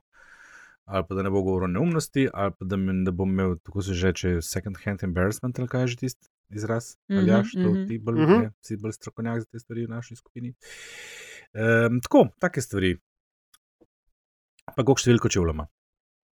Hmm. To je važno. Ja, to je. A so to že imeli anketo, so že govorili o teh Ne stvareh? vem, pa glede na to, kaj vse jih sprašuje zadnje čase, Ja, je, mislim, po mojem, samo vprašanje časa. Katera, katera barva vam je najljubša? Ja, To je ja. pa, to je pa tipična silvoterš, to je pa tipično silvoteršek vprašanje. Vam je všeč zelena barva? Ja, ali jaš kaj pa ti? Ti še nisi povedal. Kako se pa ti? Tako, so, je nek spe, set do specifičnih vprašanj, ne, um, ki mogoče jih ne bi jih pričakoval v kampanji, ampak če se že pojavijo, ne, je za me zelo, bi bilo zelo pomembno, kako kandidat na njih odgovori. Eno tako vprašanje se je pojavilo ravno v času. V soočenju s tudi ob 17, ne, kjer je Vladimir Prvič rekel, da on pa ne bi ukinil državnega sveta kar tako. Kar je seveda pomenilo, da je odletel kot potencijalni kandidat, kot je bil dolg in širok. Ker državni, svoti, državni svet je treba ukiniti včeraj. Um, ampak uh, drugač pa. Ti boš postal persona non grata v kočevu, se mi zdi. Če, če ne lej. boš imel Nataše za, za svoje osebno spremstvo. Pa da je nekaj, le zdaj mi to pripisujete. Ja, Jaz lej, sem lej. samo uh, projicirala, kaj mi ljudje povedo se, na terenu. Ne, Nataša, jaz sem šel narediti eno analizo, veš, da sem analitik. Ne? Ja, a, ve, a ti veš, koliko si v zadnjih štirih epizodah omenila Vladimira Prebiliča? Najmanj tolikrat, kot vsi ostali. Upam. Najmanj tolikrat, kot vsi ostali skupaj. Ja, pa jade. Ja, pa jade. No, pa, pa da premalo govorimo o gospe, ki je na vrhu anket. Nataša Pirc Musar, mi smo se. Ja, ja. Ja. Kar, se, kar, se, kar se nje tiče, ne, uh, ja. je pa recimo, druga stvar, ki je, ki je zelo pomembna, sploh v, kar se mene tiče, ne, je recimo odnos do Ukrajine. Ne, in tukaj, in tukaj, je, tukaj je, po mojem oceni, ona relativno v redu, zdaj uh, fine-tunala z lepo slovensko besedo, ne, stvari, ki so. Uh, Pomembne v razumevanju ruske agresije na Ukrajino. In klej se mi, recimo, Milan Brgle zdi v največjih težavah. Ne. On točno ve, kaj je prav glede uh, z vidika mednarodnih odnosov, mednarodnega prava, pravičnosti, soverenosti, pač, vendar je doktor mednarodnih odnosov, tip, ne politolog. On ve, koliko je ura. Hkrati pa tudi ve, kdo so njegovi voljivci. In prav vidiš, kako se pri vsaki besedi razmisli, ko odgovarja, koliko še lahko pove. Da bo on mogoče se naslednjo jutro lahko pogledal v špegu, če ne, in kaj njegovi, ali pa del njegovih voljivcev hoče slišati. In, in to, to, to je zelo zanimivo opaziti. To je ja. to, če sem prej rekel, zakaj ne recimo nisem v vrstu med te tri, za katere trdim, da so srcem pri stvari. Ja, ne, pri njemu. Manj točno... rabijo kalkulirati, ne? a to si ja, to povedal. To sem mislil. Ja. Ja, tu, ja. ne, tukaj pa točno vidiš. Ne, in in, in tudi, tudi vidiš to, da je dosti situacije, ker on, ne, podobno kot Drnovšek, veliko krat, ali tako, tako se je reklo, ne, dvakrat premisli, preden najreš noč ne reče. Ne. Mm. No, zdaj pa še demo to na hiter, ker to po mojem bo ful, da je drugač ful te. Mi smo se tako, mečkan smo se pa zapel, ker v vsaki pošteni familiji se morajo mal kregati. Uh, Antiša ni sodeloval, zato bo prvi, ki bo lahko povedal mnenje. uh, razpravljali smo malo o medijskem tretmaju kandidatov. In uh, se je najbolj zapenjalo pri tem, uh, mislim, da smo začeli, ali až midva o tem govoriti. Uh, namreč tista, ali je bil povod tista večerova opredelitev, kratka kandidatov? Ne? ne, tam smo se vsi strinjali. Začela, Aha, kaj pa je? Kaj pa je? Zapela sva na. Um, v ponedeljek na soočenju, no, ki smo se uh, smo debatirali. Okay, različna mnenja, ampak ja. skratka. Podučeni s pripombami poslušalk in poslušalcev, opomnimo, zakaj gre pri večerovih profilih ja. kandidatov. Ja. Zakaj šlo? Vsi smo se strinjali, da je bilo zelo nespodobno eno kandidatko označiti kot ambiciozno karieristko, vseh ostalih sedem pa s popolnoma neutralnimi nazivi. Ampak, a, a, smer, mislim, tukaj imam jaz mogoče uh, nepo, nepo, dej, dej, nepopularno dej, dej, dej. mnenje. Ne? Um, a, mislim, jaz se že vse čas, odkar je to izbruhnilo in se kregamo, mislim, se kregajo, kregate okrog tega. Uh, Začudenje spremljam, mislim, kaj pa je narobe, če je človek ambiciozen. In kaj je na, in oprosti, in kaj na robe, če je človek karierist? Mislim, jaz, v, Ante, ja. Karierist je, je, je slabševalni izraz. Ma je. Mislim, ne, ve, ja, ne vem, jaz, eh, potem pa mi povej za človeka, ki mu je karijera pomembna. Uh, uh, neutralen izraz. Jaz ga ne najdem. Ja, ampak živiš v družbi, ki pretežno socialistično razmišlja in ima te dve besedi e. za. E.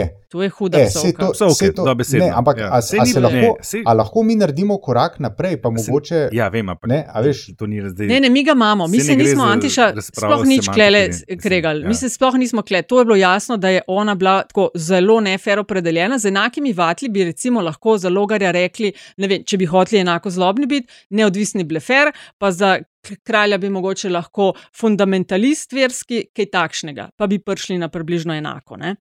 To se čist strinjam. Ampak za žensko, ki je odločna, ki nastopa, ki zaseda visoke policije, pozicije in ki si želi postati predsednica države, je pa to v naši družbi še vedno, da je bod mal skromna, pa boš ti v zadnje, ki boš podpirala in tako dalje. Sej, in je je problem, je ambiciozna problem. karieristka. Ampak se vem, jaz, seveda je jaz problem. v resnici ne vidim, jaz ne vidim no. nič narobe v tem, da je nekdo ambiciozen in da dela kariero.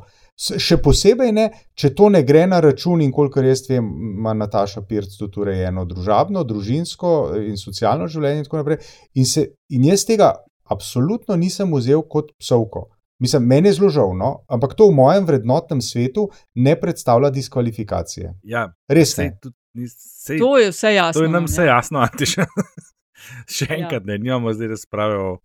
Ne, bolje je bila Ne. razprava o tem, da je ona tako izstopajoče, po mojem mnenju, med vsemi najbolj na tnalu različnih Ampak medijev. čakajte, mislim, Je. če mi, To če mi ja. štirje vidimo to kot problem, potem pristajamo na to logiko, ne vem kdo od vas jo je omenil kot socialistično logiko, da je to psovka.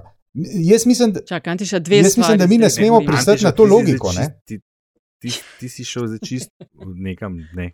Ja, zdaj smo Vse dve prav, stvari, vse ki sta prav, ja. nepovezani. Tista ar- ambiciozna karieristka, to se mi vsi strinjamo s tem in smo enakega mnenja kot ti, Antiša, ampak smo bolj v luči raznovrstnih napadov, ki jih je najbolj intenzivnih, po moji oceni. Deležna Nataša Pirc-Musar, za razliko od ostalih kandidatov. In kle smo se mal zapeli v smislu, a je ali ni, ali je to res, smo mal drugače videli, se mi zdi. No? Lahko bi rekel, da je tudi samo zato, ker je edina v bistvu že dva meseca zelo izpostavljena, pa se pač z mediji No, lahko ukvarjajo z njo, ne pa tudi z ostalimi. Ampak jaz se tudi ne morem znebiti tega občutka, da je ona pač kot neodvisna kandidatka bistveno bolj na tnalu različnih medijskih skupin, bom rekel, kot pa, kot pa ostali kandidati. Veš, In imaš jaz, ti- se, Ja, jaz, jaz ne vem, če oni uh, njej s tem ne delajo, tisti, ki jo tako žalčno napadajo, če ji s tem Usluge. ne delajo usluge. Jaz pa vem, da jih. No, se pravi, mi vemo, Milan Kučan, Ne. uh, mislim, da uno uh, famozno voduškovo soočenje, a ne, mislim, Pirkovič je bil v bistvu, uh, uh, ki mu je pobegnil iz rok, vse je bil vodušek 2.0. ne. Vlado to voduško je kaj? pred 25 leti eno, ali pa kaj tasga, no, eno soočenje popolnoma zbezlalo. Ne, čar, čaršija A To je pir, protopirkovič. Ja, Čaršija priča, to, je- to je bilo Čaršija. takrat, ko je bil Kučan kandidat, uh, pa, pa je bil Jelko Ja, Kacin, ja. pa mislim Darja Lautižar Bebler, pa še ne imena, enih osem kandidatov. In Čaršija priča, da je šel Kučan uh, hladotu po tem soočenju in da naj bi mu rekel, hvala lepa, gospod Vodušek. ne. Ker takrat je vlado Ja, spustil vse iz rok, vsi so napadali Kučana in kaj je bilo, Kučan je zmagal. Ne. V prvem krogu. Ja. In, in mislim, da se to, in zdaj, če greš Pirc-Musar utegne to zgoditi. Antiša, zdaj pet pa en korak naprej. Ja, pomagaj mi. Greš do zarote. Pomagaj mi. Zarota. Ja. U. To delajo namenoma. Ha! Ha! Ne, a, i- i- tako, treba, je, treba je še reči, da te- v tej ne, debati smo imeli poleg ambiciozne karieristke, a, je bilo pač tudi to, kar je Nataša rekla, odnos medijev ne, in pa seveda tudi um, teza o tem, ali so neodvisni kandidati v nepoštenem položaju, ker nimajo strankarske mašinerije zadaj. ne. A, sem zdaj prav vse skupaj povzel, Nataša?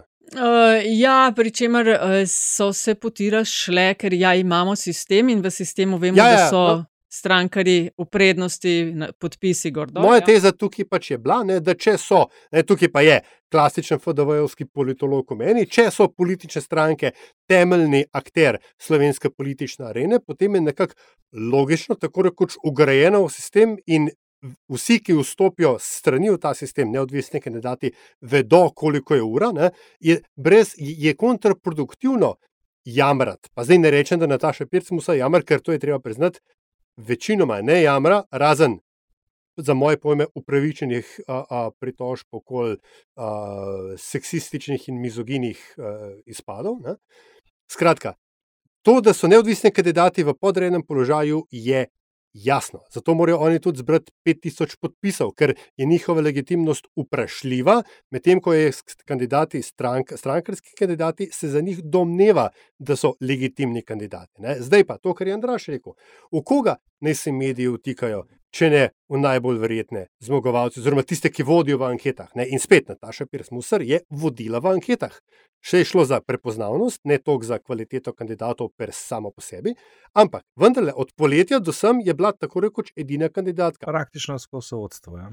A veš, Logar se obnaša, kot je v okolini v Banjolah in ne v predsedniški tekmi. Ne? Če ne naredi nič, bodo 20 posto, če se pa prelom na pol, bodo pa 23 posto. Brgles je pa relevantni kandidat še le kaj, 10 dni. In pri tem ne, ima dve od treh vladnih strank, da pr prestrezata udarce, ki so namenjeni njemu. Uh, um, tako da, tako da nismo daj. se strinjali v tem delu, ker seveda imajo strankarski kandidati prednost, ampak kot si omenil, laž, ni jim treba zbirati podpisov, imajo strankarsko mašinerijo na terenu in tako dalje. To, po mojem, ne sme in ne pomeni, da imajo za sabo večino medijev. Pa še nekaj. Uh, A je to samo zato, ker je ona neodvisna, ali ne mara tudi zato, ker je ženska? Kot sem rekel, no, pri, pritožbe glede mizoginih in seksističnih izpadov so upravičene. Ker, veš, napadi tipa ja. ambiciozna karieristka ali pa potem, ko je gospa že par mesecev pri vrhu, kdaj boste odstopili, ali pa uh, pripombice tipa uh, pada ji podpora, pa gre za 2-3 odstotke, pri čemer se je na njeni strani nagonilo enih kandidatov, za razliko od desne. Ja. Je to o, ni no. fair tretma. Ta zadnja ni iz trte izvita, tukaj pa jaz ustrajam. No, se strinjam ja. z Aljažem. Ja, okay, če za nič cela 2 odstotka razlike, pa se ni padla. 3-4 odstotne točke, to pa je že parec in ja, je pa le, to so pa take razmere, pač levo od sredine. Ne? Pa se kdo pa no, pravi, ja, ampak to pričakuješ, ker avtomatično leva sredina. Jaz, jaz se pa s tem recimo, to, ja. ne strinjam. Tudi to. Ves čas se etiketira s tem, ok, kučanje je podprl, Tirki je podprl, uh, Paul Gantar je podprl, pa še ne dva eminentna uh, gospoda, se mi zdi, ali gospa celo mes. Uh, but then again, ne. Uh, kar se pa tiče populusa, ne pa kdo pa prav, da je to izključno. Ali jo bodo voljivci SDS-a volili, ali jo bodo voljivci NSI-a volili. Ne, ampak jo voliti voljivci, ki so volili. Kakšni mal sredinski, vse govorimo, sredina svoboda, in levo. Ja. Ja, in ki morda niti vsem... ne bi sicer na volitve prišli, a veš. Ja, ampak še vsem govorimo, sredina in nekje levo od nje. Ne, ne bo v desnem sredina, bazenu kopala. No. V prvem krogu ne. Ne, tukaj je paradoks. Ne. Nataša Pirc-Musar si je najprej nastopila kot kandidatka, ki sta jo podprla dva levičarska predsednika, edina dva živa, ne, levičarska predsednika. A, hkrati je takoj zavrnila podporo levice, to vemo, se najprej se za nekaj upravičevala, ampak mi smo zdaj prstali na tem, tudi po prvem soočanju je več kot jasno, da a, tukaj ni neke blazne ljubezni. Ne. Uh, in potem, recimo, tisto, kar sem jaz opazil na soočanju s tudi ob 17. Uh, zelo podobna stališča glede energetske krize in upravljanje te krize z Janezom Ciglerjem Kraljem. Tako da, klej, viš, neka prekrivanja z sredinskimi, uh, potencialno to desno-sredinskimi voljivci, ne nujno deklariranimi za kakšno od strank, so. Ne glede na to, kakšna so, ne, še vedno ne bo gro njenih glasov. Pa tudi neobčuten prišel iz bazena, ki je na parlamentarnih volju desne strani. Jaz bi v tem trenutku Natašo nalažal pozoril, ker imam že srečo, da imam očala, ja. dela spina in vidim na ekran, kaj piše. Antiša je predlagal, da gremo počasi proti koncu. Ja, pejmo, pejmo, ja, oprostite, no, in zdaj ste pač tako je bilo v skupini in nismo, ja. in klele smo, evo, pejmo se. Andraš, pejmo se, ampak ja. Antiša tebe nismo slišali. Pejmo se. Oprostite, ja. Pojmo se, to sem pa fakt, pa sem vedel, sem pripravljen. No, vidiš, rekel, pripravljen no, vidiš. Jaz se tudi ne grem, Andraš se tudi ne gre. A vas jaz rešim, meni se pa ta, men se pa ta teden zdel skoraj kot umetnost možnega. Kakšna podla. Odlična. A veš, kaj pa meni ta teden, ta zmaga s podpisi, pa prva večja soočenja in spopadi, pa navijači ob straneh, pa vroča kri med koalicijskima partnerjema, pa boxu DZ, roki, gonna fly now. Naslovna pesem. Ja, no, skrat, ja, pač le, pejmo se. No. Skratka, vidva nič nimata. To je to.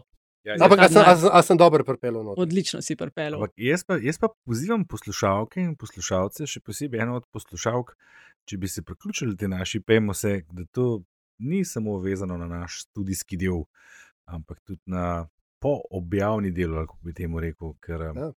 Pomoč rabimo, crowdsourcing. Kar nekaj crowdsourcing. velik, velikih kreativnih umov, ki bi znali le kaj pametnega dodati. Naprimer, sponzorka te rubrike. A ne, Sara. Sara. E, prav, antiša, polit bizarka. A ja, polit bizarka prejšnjo rundo je osvojil Aljaš in Hvala, njegov hvala, predlog hvala. Pahor z Rudjem 58 odstotkov glasov, tako gladka zmaga. V prvem krogu, V plebiscit. prvem krogu si, tako, vse je tvoje. E, Polit bizarka, izvoli Antiša, katero si izbral za ta teden? Ja, Tvic je glasil takole. Ne? Ukrepi za omilitev posledic draginje, ki jih je sprejela vlada dr. dr. Roberta Goloba, kažejo prve konkretne rezultate. In zdaj pride bizarni del. Vlada je s svojimi pravočasnimi in odločnimi ukrepi ublažila rast inflacije za 2,3 odstotne točke, ocenjuje Umar Pikasi. To je bil tweet od vlade. Ne, um, uh, ne vem, kaj naj rečem. Ne? Mogoče kakšen, uh, kakšen pridevnik je še ma, manjkal. Ne? Pravočasni, odločni, pogumni in mogoče še ne dva, če namečemo noter, potem pa pridemo. Uh, potem pa pridemo do, uh, bi rekel, pravega slavilnega tvita. Ne?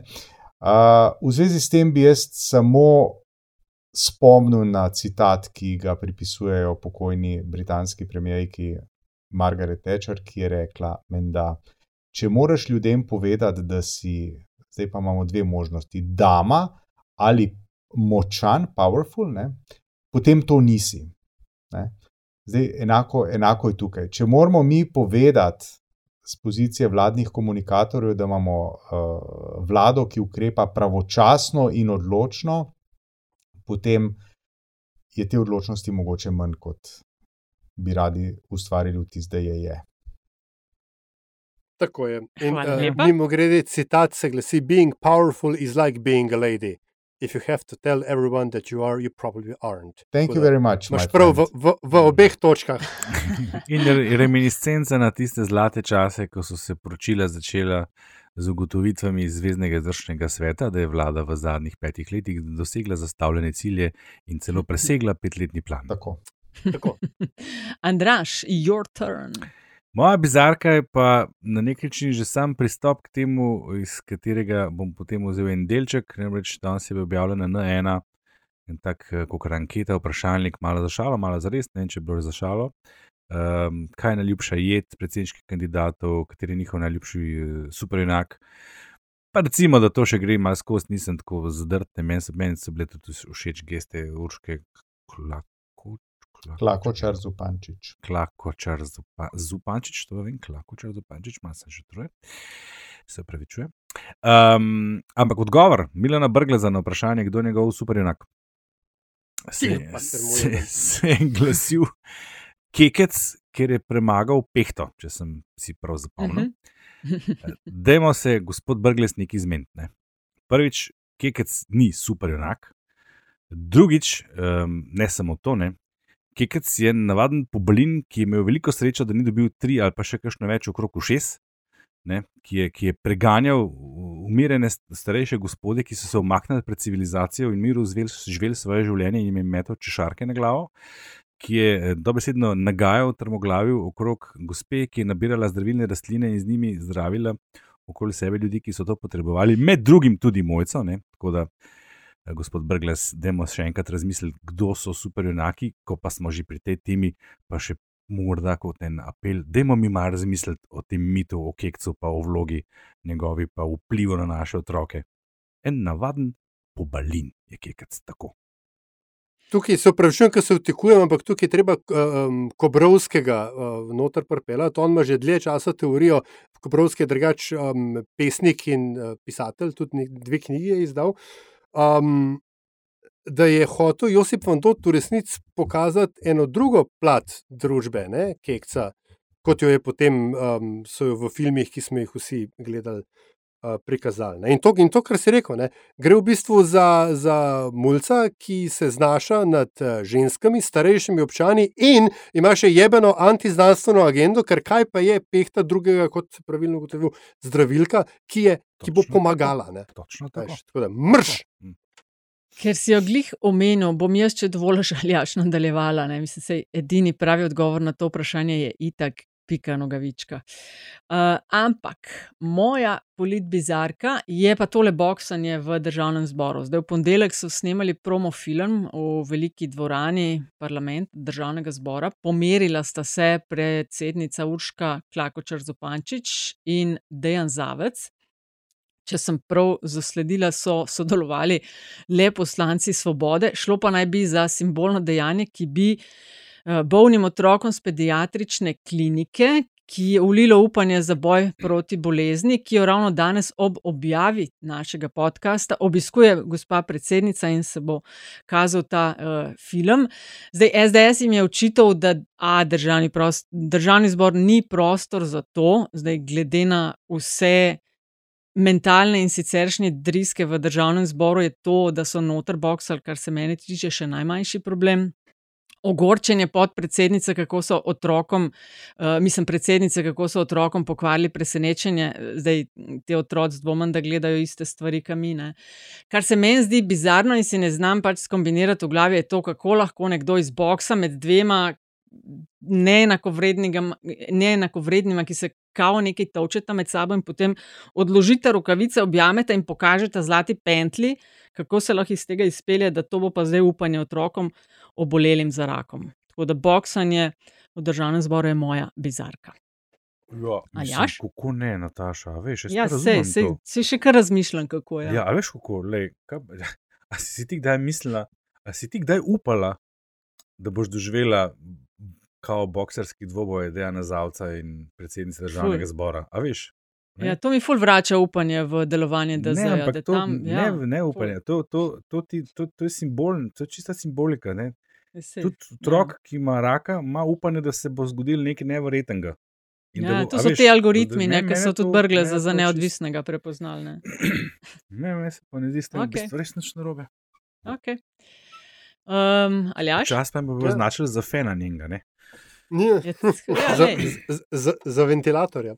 Um, kaj sem hotel reči? Je, ti boš, ti boš že tako zmagal, klele, ker v bistvu se lahko za tvojo bizarko glasujejo in tisti, ki so padali v nezavest ob Lej, samem si dejstvu. zmagal prejšnji krok. No. In tisti, ja, ne, čeprav, veš, imam pa, imam pa močno, konkurentko. Imam močno, ki se tudi parlament je, ta teden je parlament bogato obrodil. Ne. Res, Lahko res. bi, lahko bi uh, imel Hojvika in uh, njegovo amplificiranje nekih dezinformacij, skrajno desnih, z nekimi zemljevidi, lahko bi imel listca s tvitom, ki ga je izbrisal, um, ampak narod naš dokaze hrani, tako da mogoče še pride na vrsto.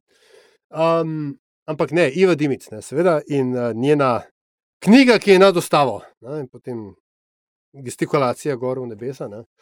Um, kot si na začetku rekla, Nataša, debata o družinskem in obdružinskem zakoniku, oziroma noveli, novelaciji tega zakonika, je uh, marsikakšno tako spustila, ki bi bilo bolje, da je ne bi in bi bilo lahko govorcem narodno. Ena od teh je taka.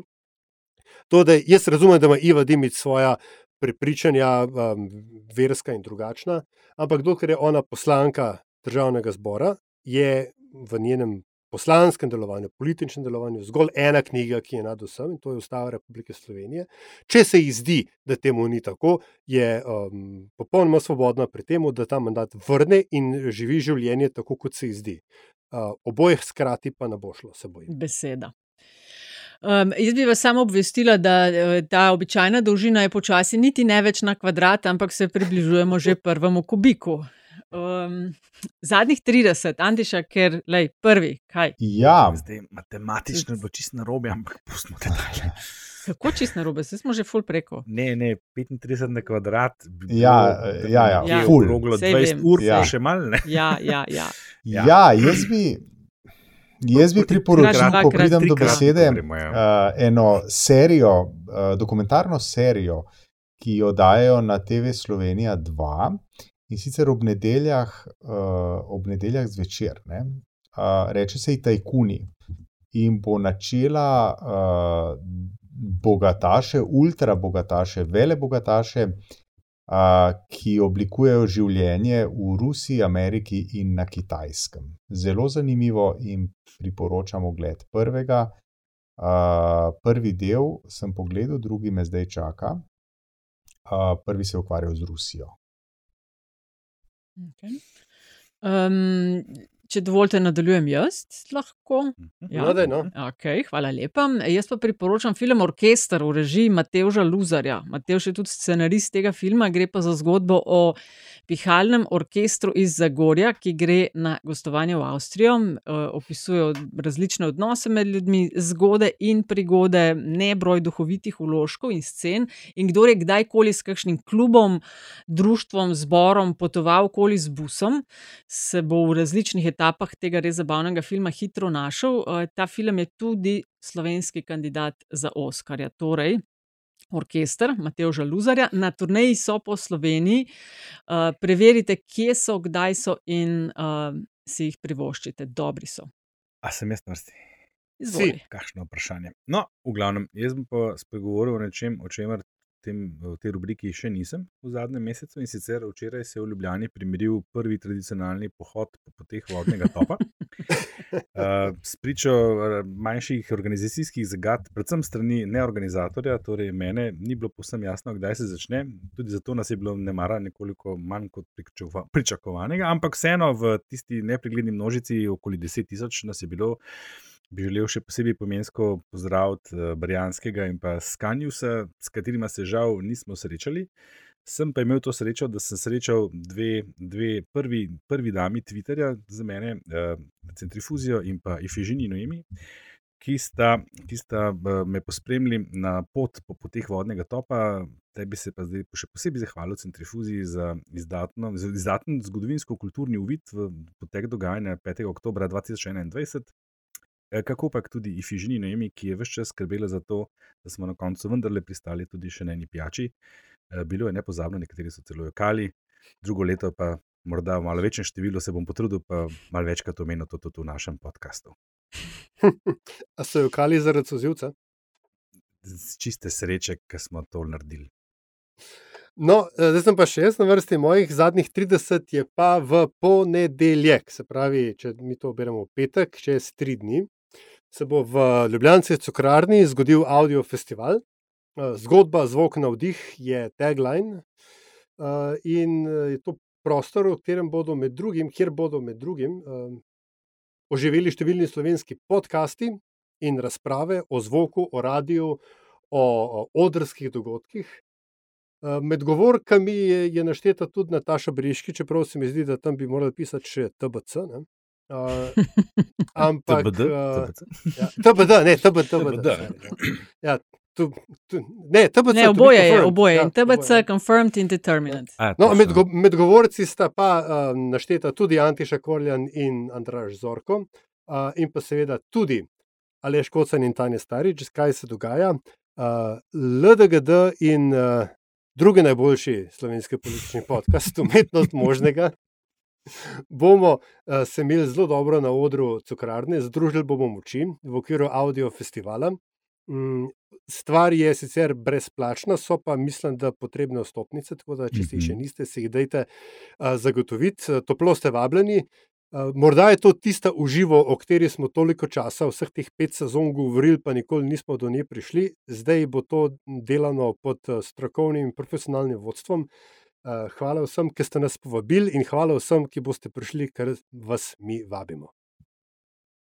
Uh, hvala A Ja, lepa. u, oprosti še to. Uh, program se uradno začne ob desetih zjutraj in traja do zvečer, mi smo pa na vrsti ob petih popovdne. Hmm, super bo tole, to se ne splača zamuditi.